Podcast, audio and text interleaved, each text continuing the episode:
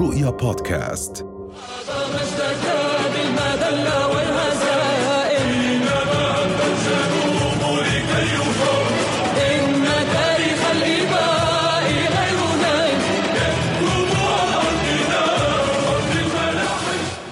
من مدينة بيت لحم كان الصوت كبير. لما قام القس الدكتور منذر إسحاق بنقل أرض غزة المحروقة بشر وحجر في صورة مغارة الميلاد داخل الكنيسة اللوثرية. هو نفسه القس اللي تم الاستشهاد بتصريحاته في محكمة العدل الدولية. سألته هل سيذهب كشاهد إلى لاهاي لو طلبوه؟ أنا أؤمن أن الكنيسة يجب أن تقول صوت الحق أمام الظالم والقوي والمستبد مهما كان الثمن. وبالتالي واجبنا الأخلاقي والإيماني أن نقول الحق. وما قلته أمام العالم كله في عظاتي وما كتبته وإحنا عم نحكي من قبل آه، فترة العيد من بداية الحرب وإحنا بنناشد العالم وببداية الحرب وإحنا نقول ما يحصل إبادة جماعية إحنا كفلسطينيين كان واضح بالنسبة لنا أنه هذا مخطط لتصفية غزة فبالتالي آه، موقفنا وواجبنا ومسؤوليتنا الإيمانية والأخلاقية كمسيحيين وككنيسة أن نكون مستعدين أن نقول دائما الحق حتى وإن كان في تكلفة لهذا الأمر.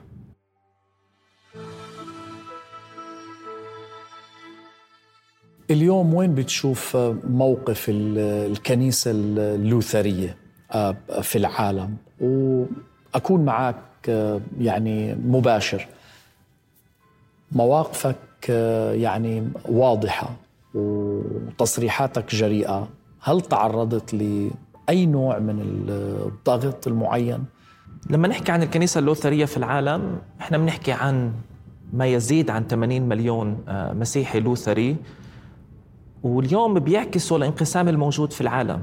لما قلنا غزة تشكل المعيار الأخلاقي لأنه غزة قسمت العالم. وواضح أنه الانقسام عم بيكون له علاقة بالجنوب العالمي مقابل بالشمال أو الغرب. فمثلا إحنا ما زلنا نتحدى مواقف الكنيسة اللوثرية إن كان بألمانيا اللي بالغالب عادة بتكون مؤيدة بسبب تاريخهم المعادي آه، للسامية وشعورهم بالذنب.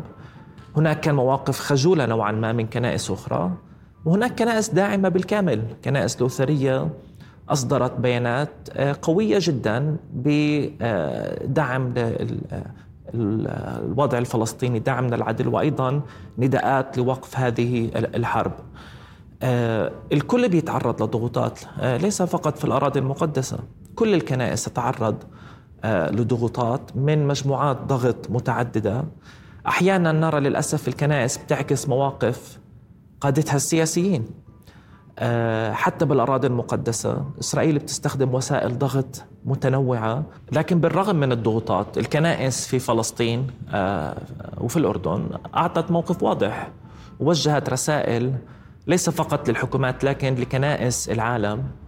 قضية إلغاء الاحتفالات آه، بعيد الميلاد كان لها صدى كبير حول العالم واعطتنا فرصة للكلام عن واقع غزة واعطتنا فرصة نوجه رسالة خاصة من بيت لحم آه، لكنائس العالم إنه ما يحصل في فلسطين ظلم وإبادة ولن نحتفل بعيد الميلاد بالطريقة الطبيعية في ظل وجود حرب إبادة بحق شعبنا آه، في غزة. قد أتعرض أنا لضغوطات بسبب عملي الإعلامي. لربما مؤسستي تتعرض لضغوطات أو أي مؤسسات أخرى أو إعلاميين بشكل عام ولكن يعني كرجل دين عنده رسالة ككنيسة وهي بالأخير الكنيسة إن صح التعبير هي مؤسسة آه، روحية. يعني بالعامية شو بدها تخسر؟ لو قالت آه، كلمة آه، حق وكلمة لأجل الإنسانية والأخلاق حتى البشرية. صحيح الكنيسة ليست دولة ولكن صوتها مؤثر وورقة ضغط كبيرة. حتى الآن بالمجمل انطباع عند كثيرين. ما زال الصوت المسيحي خجول. يعني وأنا أعتذر إني أقول هذا الكلام أمامك ولكن يمكن في ناس كثير يعني بيتفقوا مع هذا الطرح. يعني أنا قلتها بالعلن إنه إحنا آه، بندين الكنائس الصامتة.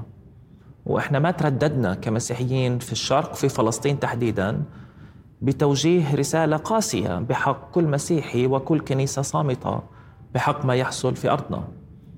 كثير مرات الكنائس تصمت أو لا تأخذ موقف لأسباب متعددة كما ذكرت منها تأثرها بالموقف السياسي لدولها. لكن أحيانا آه، هناك نوع من آه، الحياد نوع من آه، اللي أنا بسميها روحانية زائفة. القصد أنه الكنيسة كصانعة سلام يجب أن لا تأخذ موقف ويجب أن تكون على الحياد وتصلي لأجل السلام. أنا أعتبر هذا موقف مرفوض. اللي عنده فعلا رسالة وبده يصنع سلام مضطر يأخذ موقف. وأنا بآمن أنه حتى في الكتاب المقدس الله ينحاز مع المظلومين. الله ينحاز نحو العدالة. آه، واجبنا نقول كلمة الحق أمام الظالم. فما بنفع نشوف آه، آه، كما يحصل في غزة حرب إبادة ويكون موقفنا ضبط النفس ونصلي من أجل السلام. في الواقع موقف مثل هذا بغض النظر مين اللي بيعطيه هو بيعطي ذخيرة وشرعية للمعتدي إنه يكمل. عشان هيك أنا قلت الصمت عبارة عن تواطؤ والروحانية الزائفة واللي عادة ما بنغطيها بلغة بنصلي للسلام وبنغطيها بلغة إعطاء آه، تبرعات من أجل الإغاثة ومن أجل أعمال الخير. هاي يعني أنت بتصمت وفي إبادة بتصير وبعدين بعد ما بتخلص الإبادة بتيجي على غزة وبتعطينا أموال للإغاثة. لا متأسف. فبالتالي لازم نتحدى هاي الروحانية الزائفة اللي بتظهر بوجه صانع السلام وصانع الخير. وإحنا ما ترددنا ابدا إنه نناديهم ونحكي لهم من منابرنا اللي بتعملوه هو تواطؤ وهو مشاركة بالإبادة.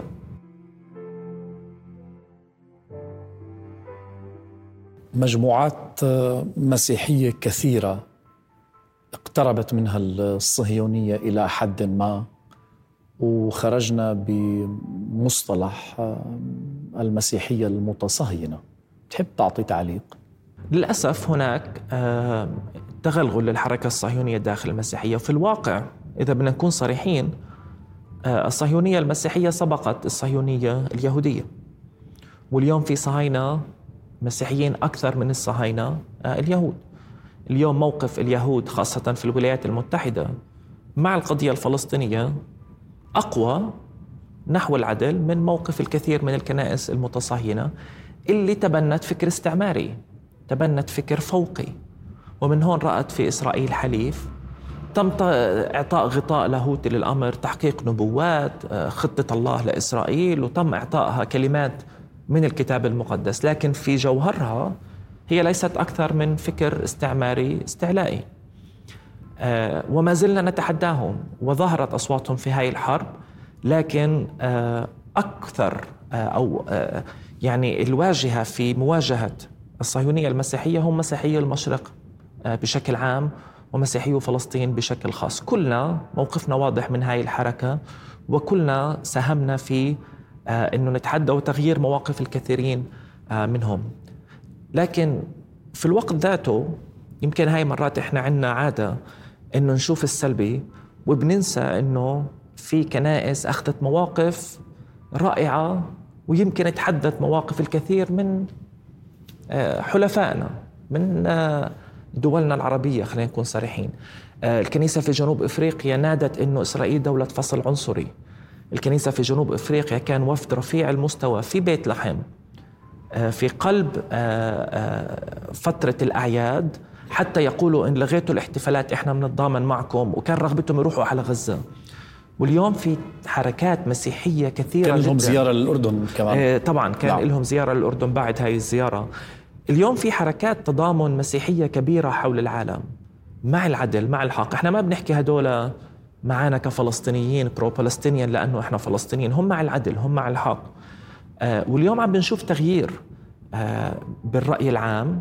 حتى في الدول الغربية كثير من آه، المسيحيين في داخل الكنيسة عم بيتحدوا مواقف آه، كنائسهم.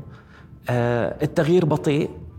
التغيير لسه ما أثمر لنتائج على أرض الواقع آه، لكن اليوم أصبحت الحقائق واضحة واليوم أصبح من الصعب أنك تستمر في دعمك لنظام فصل عنصري باسم الكتاب المقدس. وأنا آه، أختم آه، بكل يعني شكل واضح مع حضرتك أسيس. أقول لك أيضا كما هناك بعض المجموعات المسيحية المتصهينة هناك بكل أسف عرب متصهينين. على كل حال شكرا لحضورك. أشكر جدا جرأتك أسيس منذر إسحاق. شكرا. شكرا. غيرنا يكتب على أرضنا أرض المال